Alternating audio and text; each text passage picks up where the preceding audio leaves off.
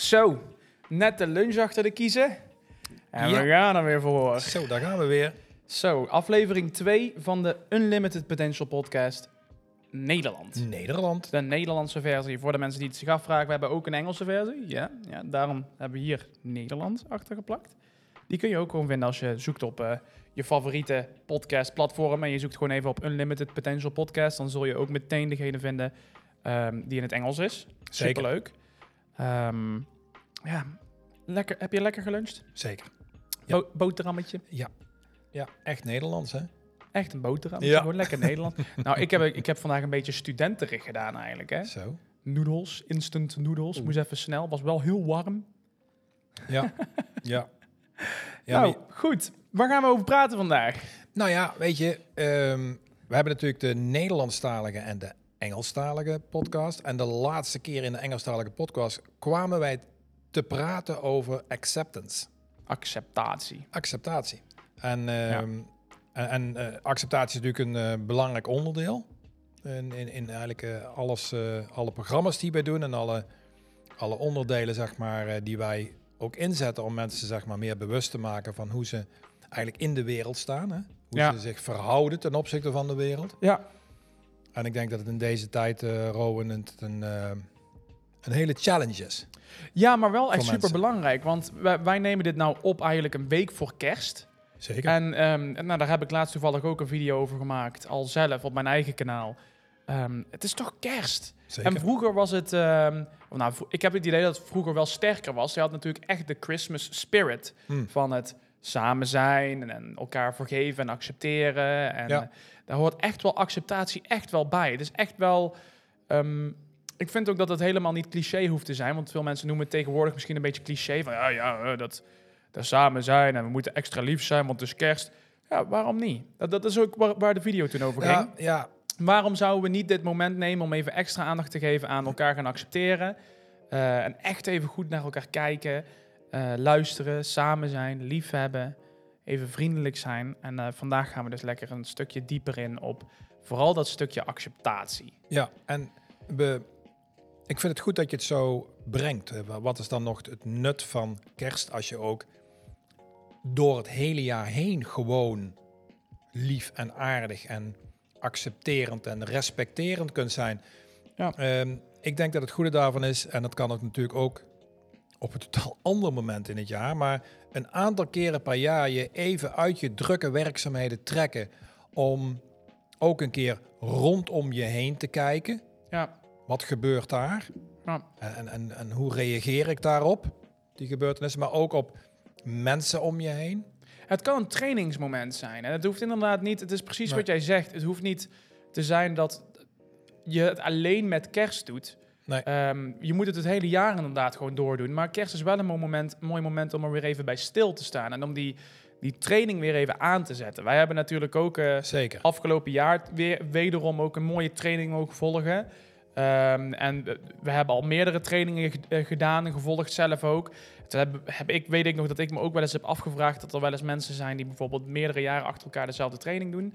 Ehm, en nou, het idee daarvan toch is echt dat warm houden. Het gewoon ermee bezig zijn. Ja. Soms hoef je nog niet eens nieuwe stof te leren. Maar het feit Nee. dat je er wel elke keer op terugkomt, zorgt in ieder geval voor, voor, voor dat je weer even, even terug bij die kern komt. Even Ja. weer ehm, Ja. goed op peil houdt. Ja, ja, en daar is zo'n periode als kerst ook wel voor. Maar ook omdat we vaak ook allemaal vrij zijn.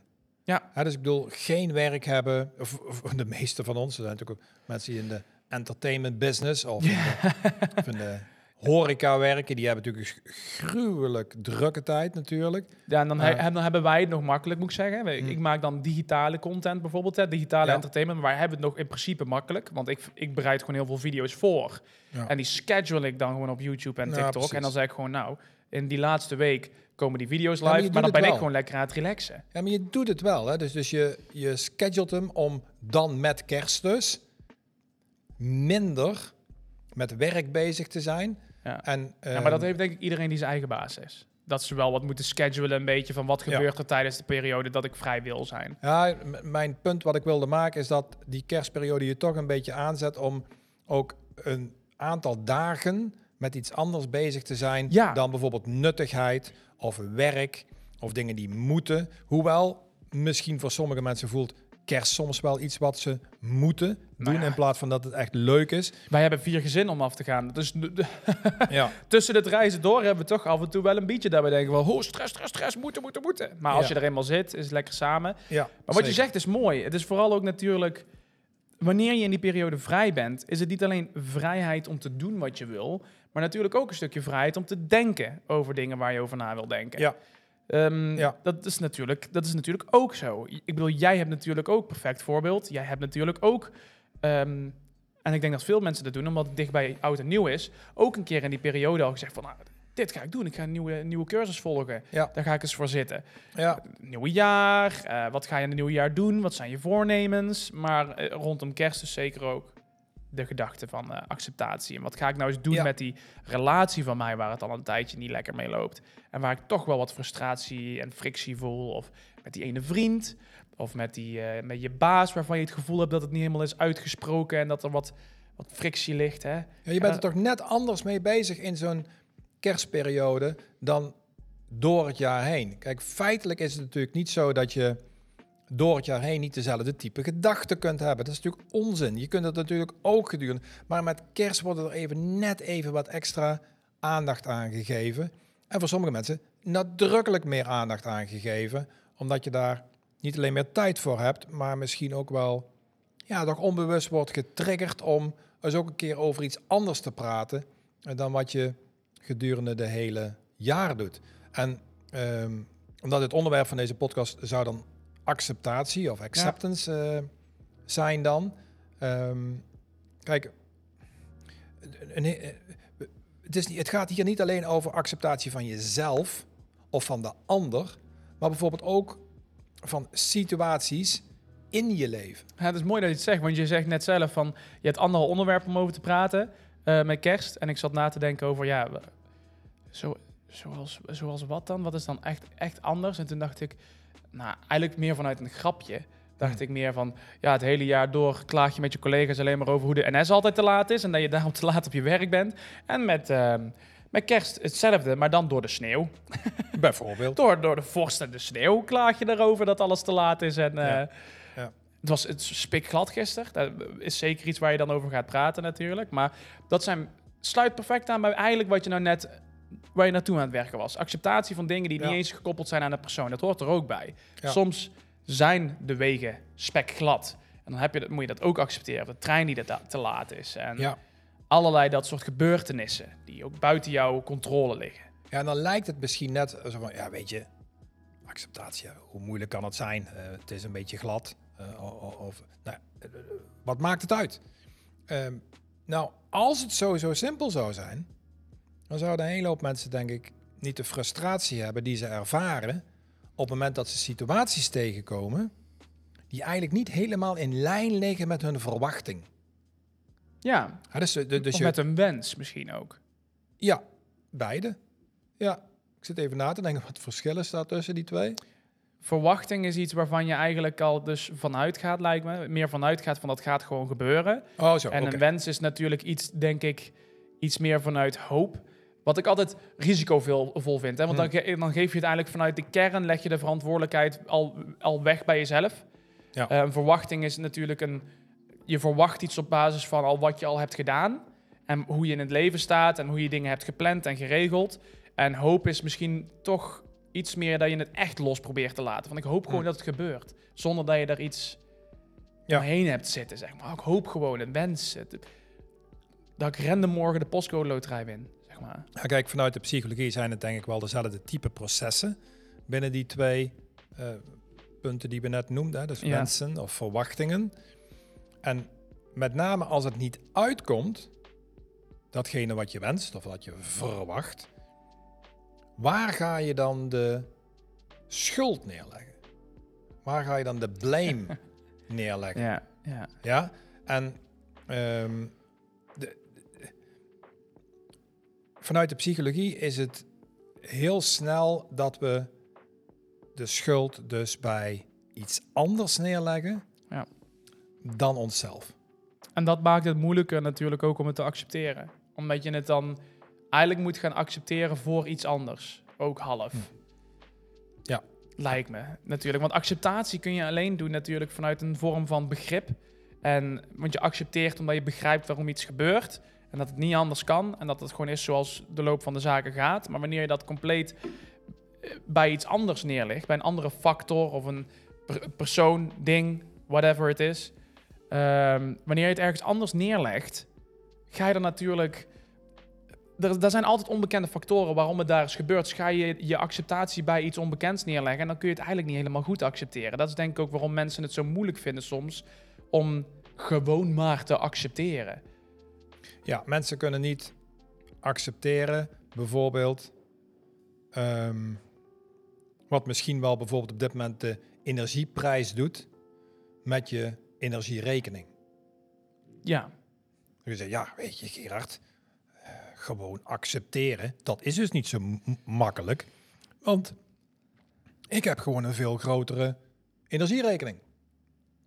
nee. Kijk, en de truc is niet zozeer dat je de feitelijke situatie accepteert. De truc zit natuurlijk in of die feitelijke situatie die je misschien vervelend vindt, of die niet voldoet aan je verwachting, of niet je wens was, is, dat die ook nog eens een keer jouw interne systeem negatief beïnvloedt.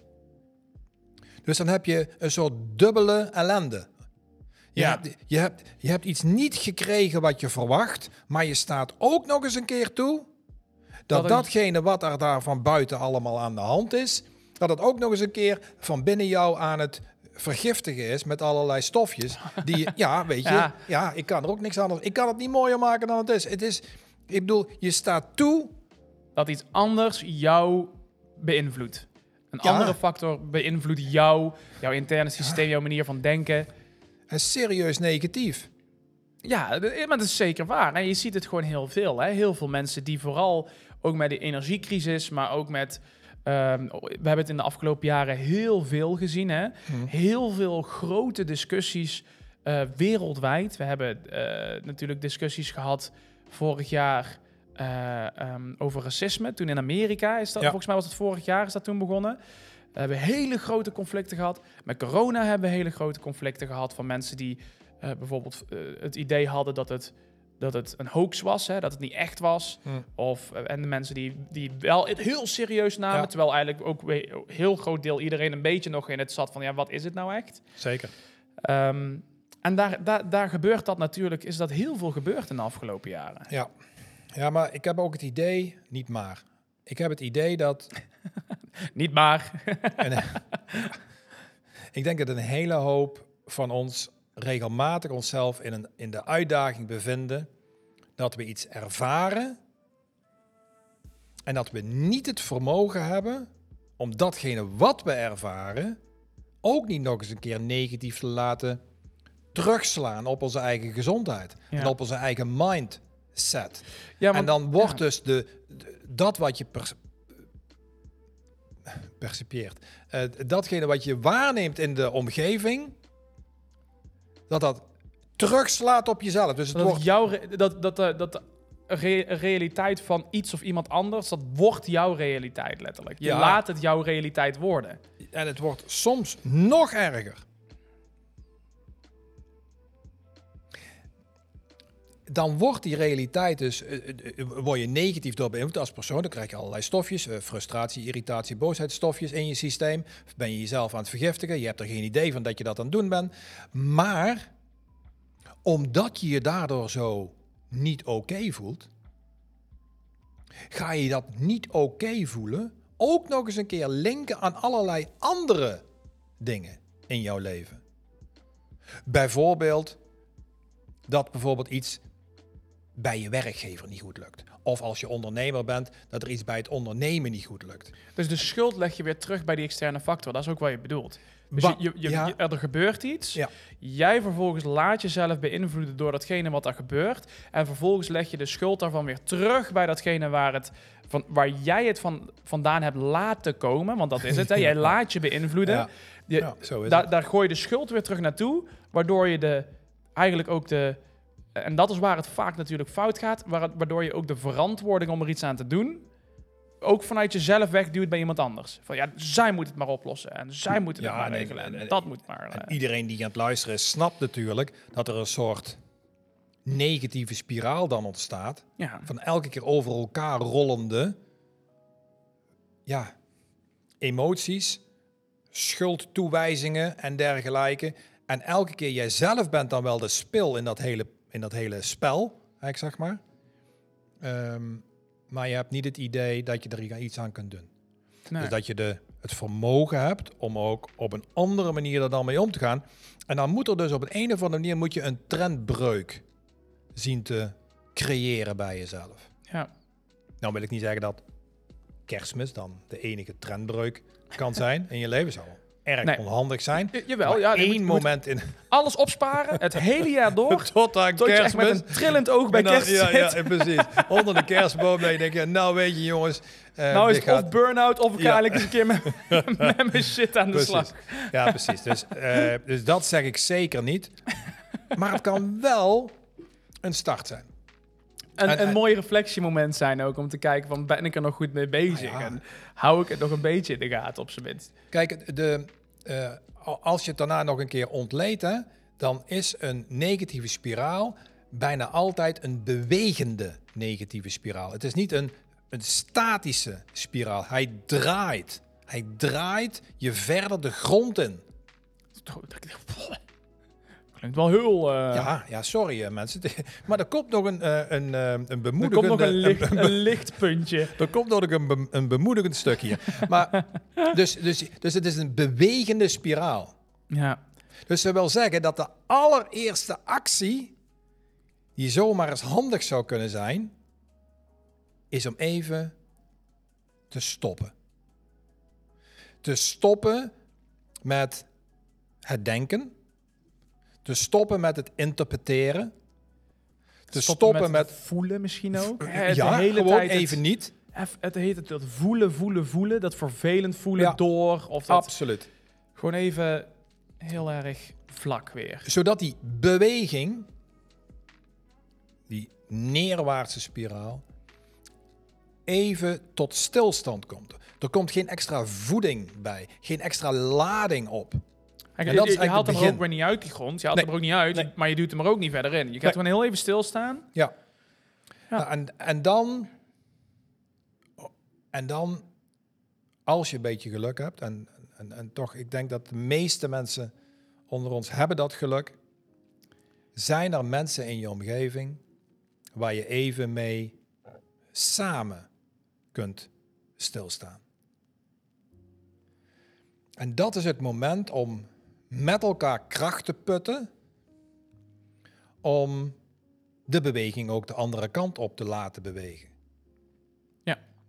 En die, die, die kerst of die andere momenten in het leven waarbij je met elkaar even stilstaat, is een ehm, uitermate waardevolle en ook zinvolle activiteit. Terwijl je soms kunt denken, ja, maar ik doe niets. Ja, dat is nou juist het punt. Dat dat goed is. Ja, Even stilstaan. even stilstaan, even, de- even kijken gewoon, even observeren. En dan echt objectief observeren en kijken wat is er nou echt aan de hand. Ja. Even die gevoelens aan de kant zetten. Even niet de hele tijd er weer wat van vinden al meteen. En meteen er iets bij voelen. Want eh, om het dan even terug te pakken natuurlijk op acceptatie waar we naartoe gaan. Het Ja. is gewoon enorm belangrijk dat je dat inzicht krijgt. Dat hebben we natuurlijk in de Engelse aflevering hebben we het daar echt al heel, eh, heel veel over gehad.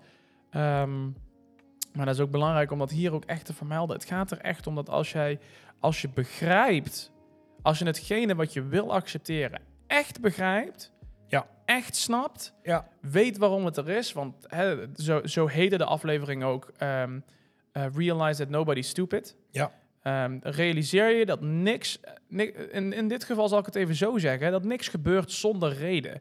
Alles Nee. wat er gebeurt is gewoon gebeurd om een reden. En het is er gewoon. En als je dat snapt, dan kun je dat accepteren. Als je snapt waarom iets is gebeurd, waarom iemand iets doet, wat de reden daarachter is, dan, dan kun je het ook makkelijker loslaten. En dan kun je het misschien ook wat meer gaan bekijken vanuit het perspectief van, dit is het. Ik heb de situatie geaccepteerd. Ja. Als ik de situatie heb geaccepteerd waar ik in ben beland, dus niet, je kan nog steeds wel niet blij zijn met de situatie zelf, maar de situatie waar jij in bent beland, heb je geaccepteerd. Ja. En dan kun je gewoon gaan kijken, oké, en hoe ga ik ermee om? Wat ga ik ermee doen? Ja. Wat wil ik nou? Want ik heb het nou, het, het is gewoon gebeurd.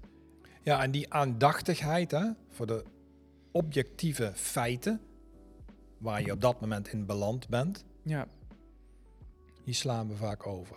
En dat is een van de grote redenen waarom acceptatie ook vaak niet lukt. Omdat we geen ja.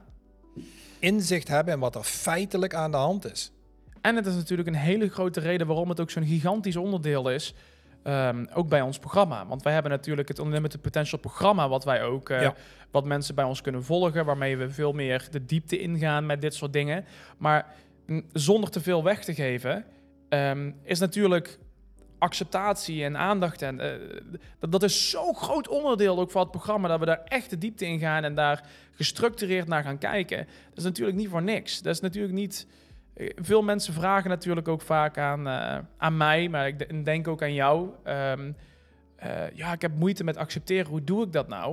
En Ja. dat is dan vaak een beetje een vraag alsof, er, alsof ze al verwachten dat er gewoon een, een quick fix terugkomt. Van je maar- moet gewoon even dit doen. Doe gewoon even dit, dan heb je het geaccepteerd. Maar Ja, het, dat is zeg echt, je heel goed. het is echt heel moeilijk. Ja, dat, is, dat zeg je heel goed. Want het is eh, ehm, quick fixen.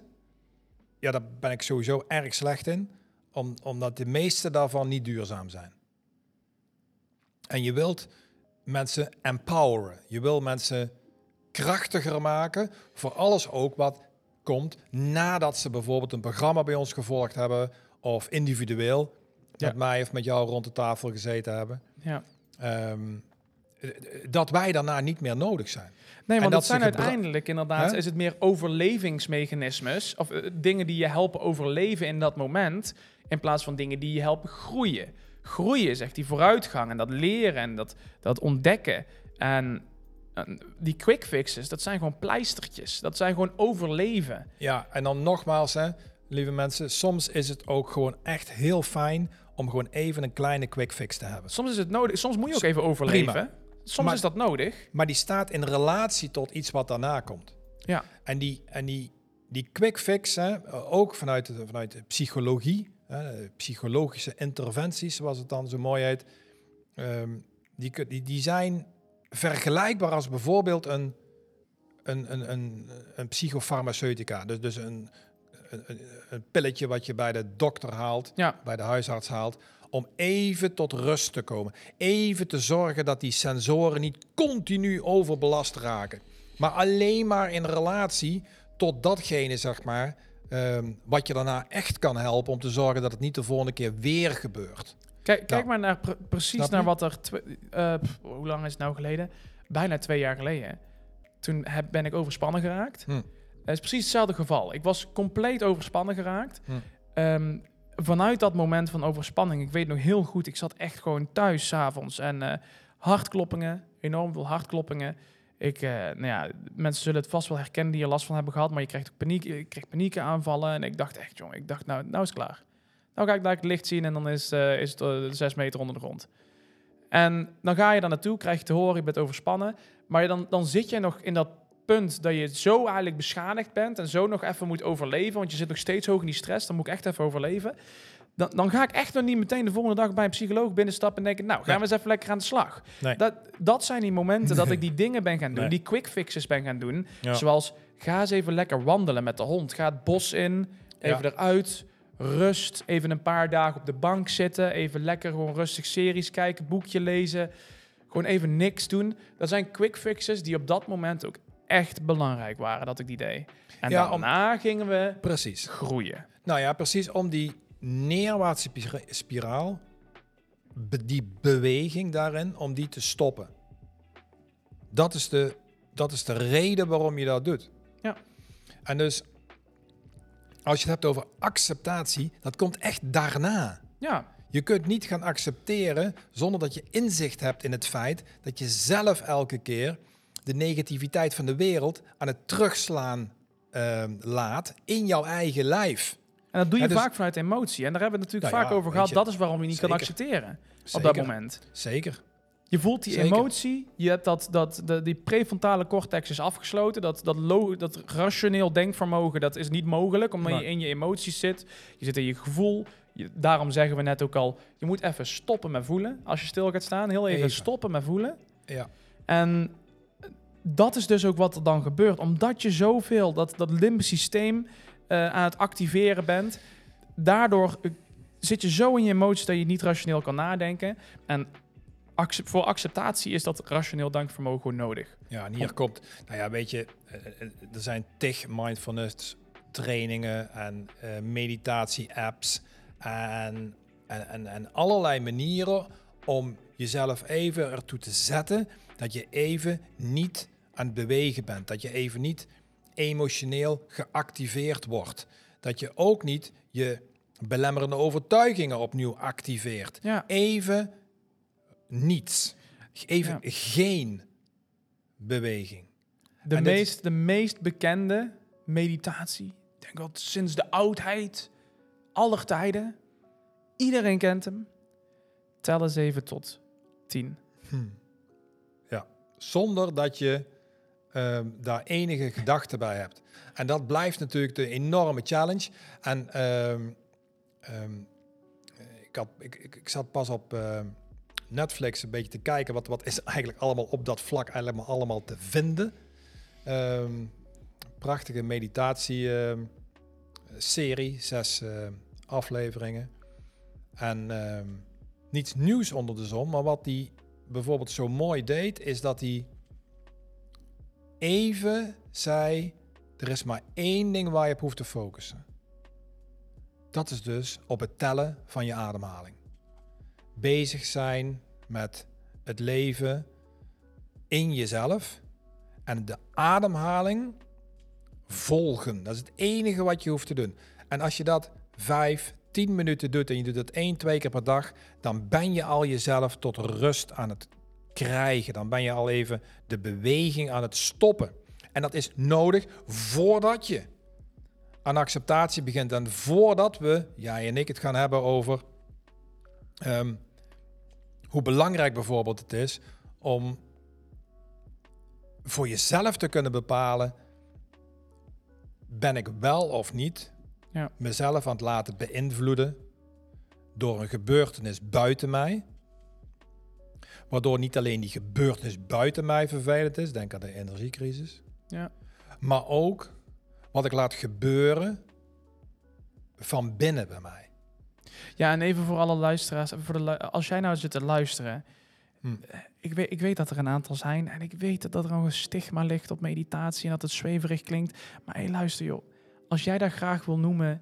Even, even rust nemen. Twee, dan neem jij even rust. Twee keer vijf minuten. En let even op je ademhaling. Je hoeft het van ons geen meditatie te noemen. Hè? Nee. Ik snap best wel dat sommige mensen het een beetje, misschien een beetje stom vinden om te zeggen: ik mediteer. Maar doe dan gewoon even wat we zeggen. Doe gewoon even die vijf minuten, twee keer op een dag, even op je ademhaling letten en even dat volgen, zodat je dat hebt, zodat je begrijpt waar we het over hebben. En noem het dan gewoon tegen je vrienden en familie dat je, ja, ik, ik vind het heel belangrijk dat je twee keer per dag wel even een momentje voor jezelf pakt, dat je gewoon even rust neemt. Noem het dan zo. Maar neem het van ons aan. Ja. Dit gaat je helpen met acceptatie. Zeker. En, en dus het is alleen maar om die negatieve spiraal te stoppen en om te zorgen zeg maar, dat je ehm, ook de weg naar boven, want de negatieve spiraal is gewoon een omgekeerde positieve spiraal. Ja, dus je kunt, Ja. is, het is dezelfde beweging, alleen de andere kant op. Nou, kurken trekken, die kan ook twee kanten op de kurk in en eruit. Hè? Dat is Zo gewoon dezelfde beweging. Zo is het. Dat is wel een hele mooie metafoor trouwens. Want het is zeg maar, Gewoon je zo uit- draait hem erin, hè, zeg maar, hè, in de kurk. Maar het wordt pas echt vette shit op het moment dat je hem eruit trekt natuurlijk. Ja, maar dat is niet dezelfde beweging. Eruit draaien is dezelfde beweging. Ja, dat is ook weer waar. Nou, ik, ik, ik, Maar ja, ik in, heb ook in mijn zo- hoofd voelt het als een fantastische metafoor in ieder geval. Ik heb hem ook zomaar iets- maar uit mijn korte mouw geschud. Hè? Dus eh, Oké, ja, dankjewel hiervoor. De- dus, dus de constatering ja. dat je jezelf aan het dat je jezelf laat beïnvloeden. Dus dat je je interne systeem, je interne systeem aan het bevuilen bent. Door een gebeurtenis buiten je die je wellicht niet kunt beïnvloeden. Dat kun je niet beïnvloeden. Ja. Maar dat je ook nog eens een keer daarna toestaat dat dat van binnen bij jou een negatieve spiraal creëert. Ja, dat is een besluit wat je moet nemen. Ja. Daarvoor moet je eerst constateren dat het feitelijk waar is. En dat is de eerste vorm van acceptatie. Dus je accepteert dat je ziet dat je zelf die negatieve spiraal aan het vasthouden bent. Heb je al geaccepteerd dat er volgens mij een beetje chocoladepasta aan jouw vinger zit? Nee, Wat is dat? Daar? Op jouw ringvinger. mijn ringvinger. Oh ja. Ja, lekker. Die bewaarde Ja. jij voor later. Die, be die bewaar ik. Die bewaar ik voor later. En dat kon ik wel beïnvloeden trouwens. Ehm, maar maar da eh, dankjewel ook eh, voor, dit, voor dit inzicht weer. Weet je, het moet ook allemaal niet te zwaar zijn. Kijk, maar ik kan soms ook een beetje doordraven. Toch? Eh, lieve mensen, kijk, Oh, dit was helemaal niet om jou te onderbreken. Ik zag het gewoon toevallig Nee, en ik dacht van, wacht nee, eens ik- even, dit is een leuk bruggetje. Kijk, het mooiste wat er is, hè, namelijk, is dat op het moment dat je tot inzicht komt van iets, ja, als je tot inzicht komt, vanuit, die, vanuit dat inzicht kun je weer verder. Ja. Ik wil het eigenlijk nog wel eventjes Oh, sorry. Ja, doorbrengen. Want we hebben het nou wel heel veel gehad over di- gewoon dingen die gebeuren. Ja. Eh, weersomstandigheden, eh, de energieprijzen. Ja. Ehm, maar wat ik vorige keer echt mooi vond, waar we het even over hadden gehad, waar ik denk dat ook echt, vooral in die kersttijd nou, Mhm. met het samen zijn, dat we mensen er echt iets uit kunnen laten halen, is als we het toch ook heel even hebben over acceptatie binnen relaties. Ja. En dan bedoel ik of een zakelijke relatie, of een romantische, of een vriendschappelijke, maar gewoon Ja. relaties. ja. Ja, ja het, het, het- de, de ingewikkeldheid natuurlijk, maar dat, dat, dat snapt iedereen, dat bij een relatie het altijd op minimaal twee personen gaat. Allebei, ja, en dat, het, het leuke is, net hebben we het natuurlijk gehad over, in principe hoeft maar één kant iets te gaan accepteren. Maar vooral als het gaat over de meer intensere relaties, zoals bijvoorbeeld een liefdesrelaties, waar je echt met elkaar leeft, ehm, dan zal er vanuit twee kanten acceptatie, een punt van acceptatie bereikt moeten worden, Zeker. als er een conflict is. Ja, en, en, en dit maakt het tot een ongelooflijk, soms ingewikkeld systeem. Omdat ehm, ik doe ook heel veel relatietherapie, eh, of counseling, of hoe het dan ook mag heten. En zeer regelmatig komt het voor dat een van de twee partners zegt: Weet je wat jij moet doen? Ga jij eens lekker naar de psycholoog. Want volgens mij ben jij deze relatie aan het frustreren. Ja, ja, jij. Ja, ja, jij. Ja, ja, jij. Ik niet. Jij.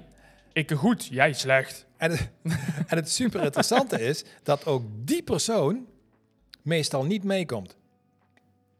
Dus dan krijg ik een soort van in mijn praktijk een soort relatietherapie sessie met één persoon. Snap je? Ja, het, het- ja, ja het klopt volgens mij in het hele begrip van relatie. Hoort er toch echt twee te zijn. Ehm, is er toch Ja. vaak twee kantjes, ja. ja, nou, exact. Maar de, de, de, dus de ingewikkeldheid is al om alle twee in te zien dat je alle twee een onderdeel bent van de relatiegedoe Ja. Die er is.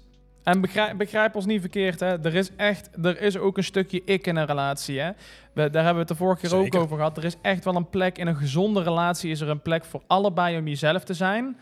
Binnen een soort van dynamische manier van samen ook iets hebben. Samen leven. Je hebt een structuur gevonden in je relatie waar jij en je partner ook jezelf en je eigen behoeftes kunnen bevredigen. En wat je wilt doen, wat je, waar je je tijd aan wil spenderen. Dus die vind je Ja. echt wel. Hè? Het is niet alleen maar over je moet elkaars interesse delen. En Nee. je moet precies hetzelfde willen als de ander. Maar je moet een manier vinden hoe die twee mooi samen kunnen gaan. Zeker, Ehm, zeker. zeker. dus, dus ja, dat. dat. Ja, en dat de, eigenlijk is waar we het in de eerste 20 minuten over gehad hebben, over eh, aandachtigheid voor je eigen proces en, eh, en, en weten waar je staat, geldt dat hier eigenlijk in het kwadraat. Dus je hebt eh, twee mensen die alle twee met hun eigen ikjes, met hun aitjes, dat die alle twee aan het leven zijn en die ervaren interactieproblemen. En bijna altijd heeft het te maken met het feit dat datgene wat die ander doet, niet in lijn is met wat jij wil. Ja.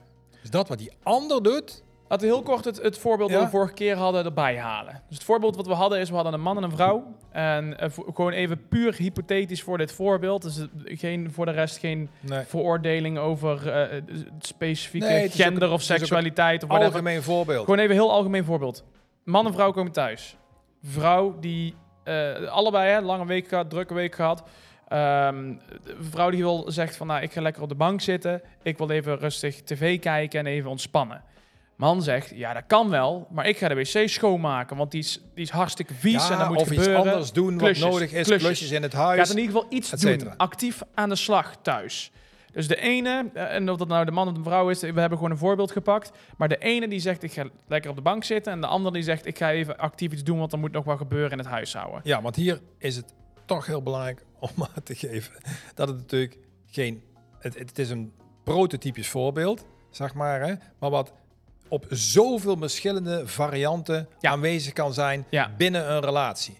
Dus van, ehm, eh, eh, ja, eh, eh, het is een drukke werkweek geweest, maar goed, ik wil echt nou even een fijn gesprek met jou. Terwijl de andere zegt van, nou nee, weet je, een glas wijn en gewoon eventjes Netflixen is toch wel een, een veel beter Het idee. kan in alle combinaties. In ieder geval, je hebt de, de, de relatie Precies. en allebei hebben behoefte aan iets compleet anders.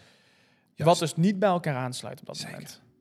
En wat er heel veel gebeurt, is dat mensen dan gaan proberen de ander te overtuigen van ehm, het nut of de noodzaak van datgene wat ze zelf willen. Ja. De nut of de noodzaak van datgene wat ze zelf willen. Nou, dat geeft natuurlijk meteen prototypisch altijd weerstand weer bij die ander. Want je probeert iets te verkopen aan iemand wat niet in lijn is met datgene wat die ander eigenlijk wil. Ja, maar dat, was al, dat is al duidelijk. Want je weet al van die ander, want anders komt er geen conflict erin. Je weet al dat diegene iets anders wil. Dat weet je al, want de, anders zou je dat gesprek niet eens hebben. Ja. Ehm, dus dat weet je al. En alsnog ga je daar natuurlijk eigenlijk al meteen in. Ook waar we het eerder over hadden, ook deels vanuit die emoties waarschijnlijk. Want jij krijgt te horen dat die ander iets anders wil doen dan Ja. waar jij heel veel behoefte aan Ja. Dus dan denk je meteen, ah, bah, balen, beetje geïrriteerd, gefrustreerd, emoties. En dan ga je dus eh, meteen er tegenin. Ja, maar wat ik wil, Ja. en dit en zus, Ja. en zo. Ja, en je Ja. zit dus meteen al bij non-acceptatie. Eigenlijk non-acceptatie inderdaad. Irritatie. En je ziet het meteen. En het is echt, het is zo grappig, want mensen leggen daardoor wederom ook de schuld weer bij de ander neer. Van ja, maar jij wil dit en dat is niet goed. Ik heb, ik heb letterlijk twee weken geleden heb ik nog iemand gehad die daarover naar me toe kwam. Die, die inderdaad eigenlijk naar mij toe kwam. Van Rowan, kun je mij helpen met het probleem van mijn partner? Zeker. Nou, dan zeg ik natuurlijk ja. Ja, Natuurlijk. Met alle de voorbedachte raden dat we natuurlijk later in het gesprek erop uit gaan Ja. komen. Dat diegene ook gaat inzien dat het altijd bij jezelf ligt. Jij hebt een probleem, eigenlijk met de ander. Maar jij hebt het probleem, Ja, niet de ander. anders kwam die persoon niet naar jou. Ja. Anders kwamen ze niet naar mij toe. Zij hebben een probleem. Zeker. Ja, en ehm, altijd eerst wordt een relatieprobleem, dit is eh, toch een belangrijk punt, denk ik. Ehm, bij relatieproblemen, of dat nou tussen zakelijke partners is eh, of bij liefdespartners, is het de trigger ligt altijd bij het ego.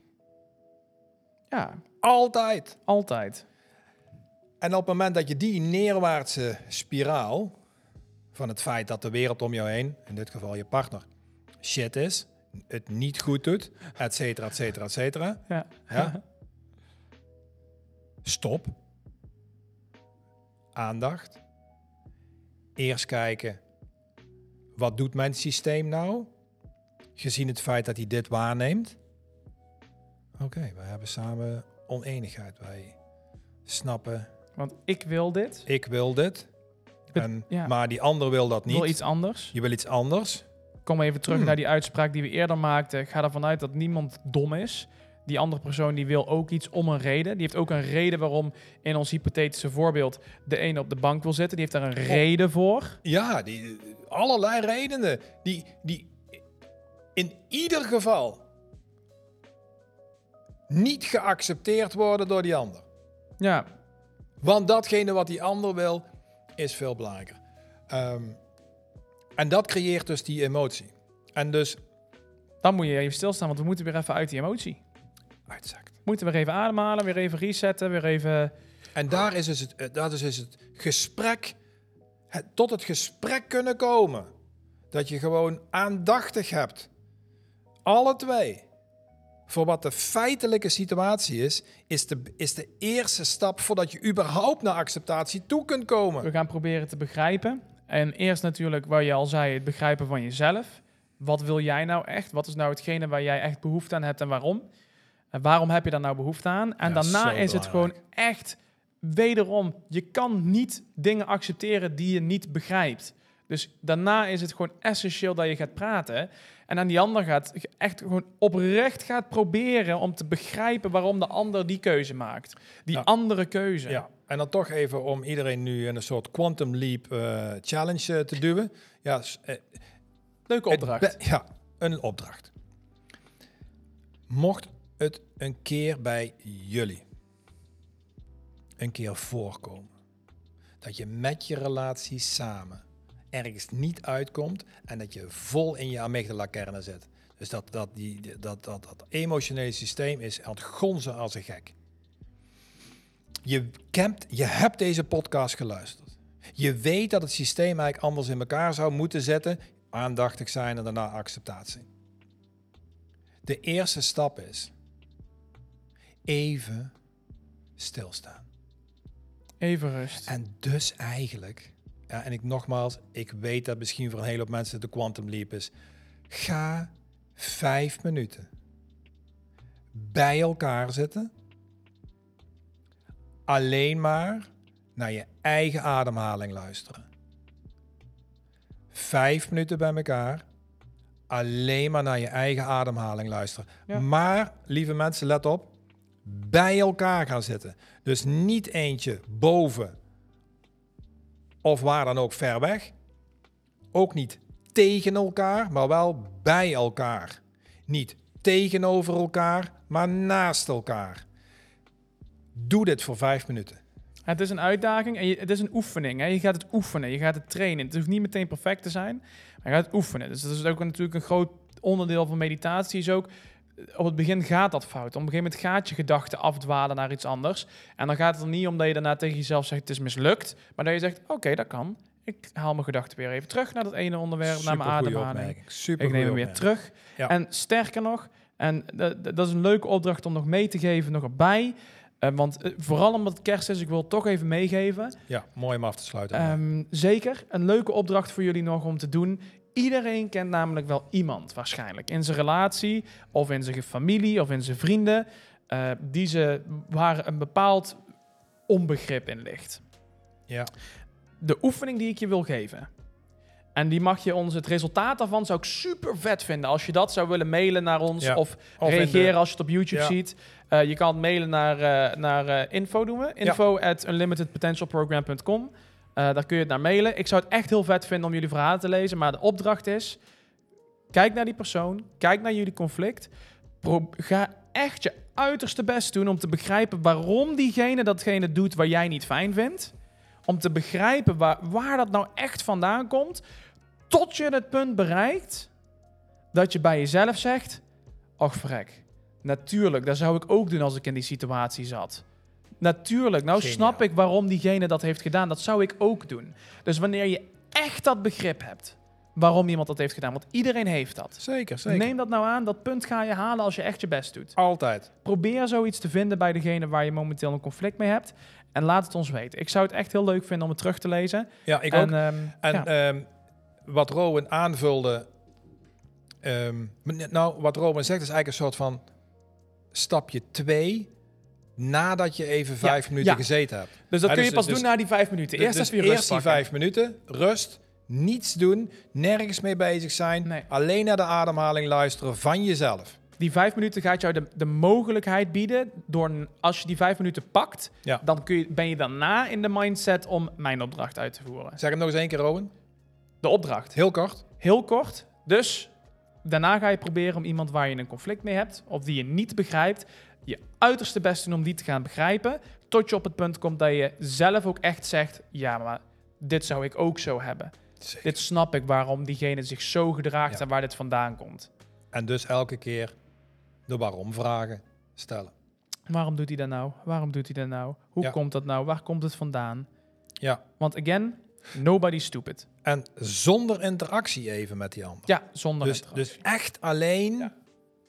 jijzelf kruipt in de gedachten van de ander. Nou, ik vond het echt weer een heerlijke Vet, aflevering. vet, Echt ja. super tof. Ik heb echt genoten weer van het gesprek. Leuke opdracht erbij. We gaan in de toekomst natuurlijk weer... eh, we, gaan, we hebben zelfs al een gast. Nou, die ga ik nog niet verklappen. We hebben zelfs al in een toekomstige aflevering hebben we al een gast gevonden. Of dat het de volgende aflevering is of de aflevering daarna, dat zullen jullie vanzelf zien. Maar dat wordt echt gaaf. Eh, Echt een entrepreneur. Iemand die Ja. echt al wel een, eh, veel met grote bedrijven heeft gewerkt. En lijkt me echt gaaf om met diegene rond tafel te gaan zitten en praten over de gedachtegangen waar diegene doorheen is Ja. gegaan en zo. Dus Zeker. dat wordt super vet. Ehm, en we willen natuurlijk jullie gewoon weer bedanken voor het luisteren. Dat jullie Ja. tot het einde gewoon zijn gebleven. Ja, en, en deze eh, zeg maar alternatieve kerstopdrachtinvulling. Eh we heel graag eh, dat jullie daar eh, Ja. eh, profijt van hebben. En, eh, en ja, wij, wij blijven delen. Wij blijven delen met deze podcast. Ja, super vet. En we wensen jullie allemaal dus hele fijne dagen. En eh, ja, misschien dat we nog één... nou, ik denk dat we net niet nog één podcast hebben voor Oud en Nieuw. Nee. Maar laten we het gewoon alvast zeggen. Eh, hele fijne kerstdagen, fijne feestdagen. En een gelukkig nieuwjaar, hè? Een gelukkig nieuwjaar en eh, zoals wij altijd zeggen, Durf te dromen. dare to dream. Bye bye. Dag!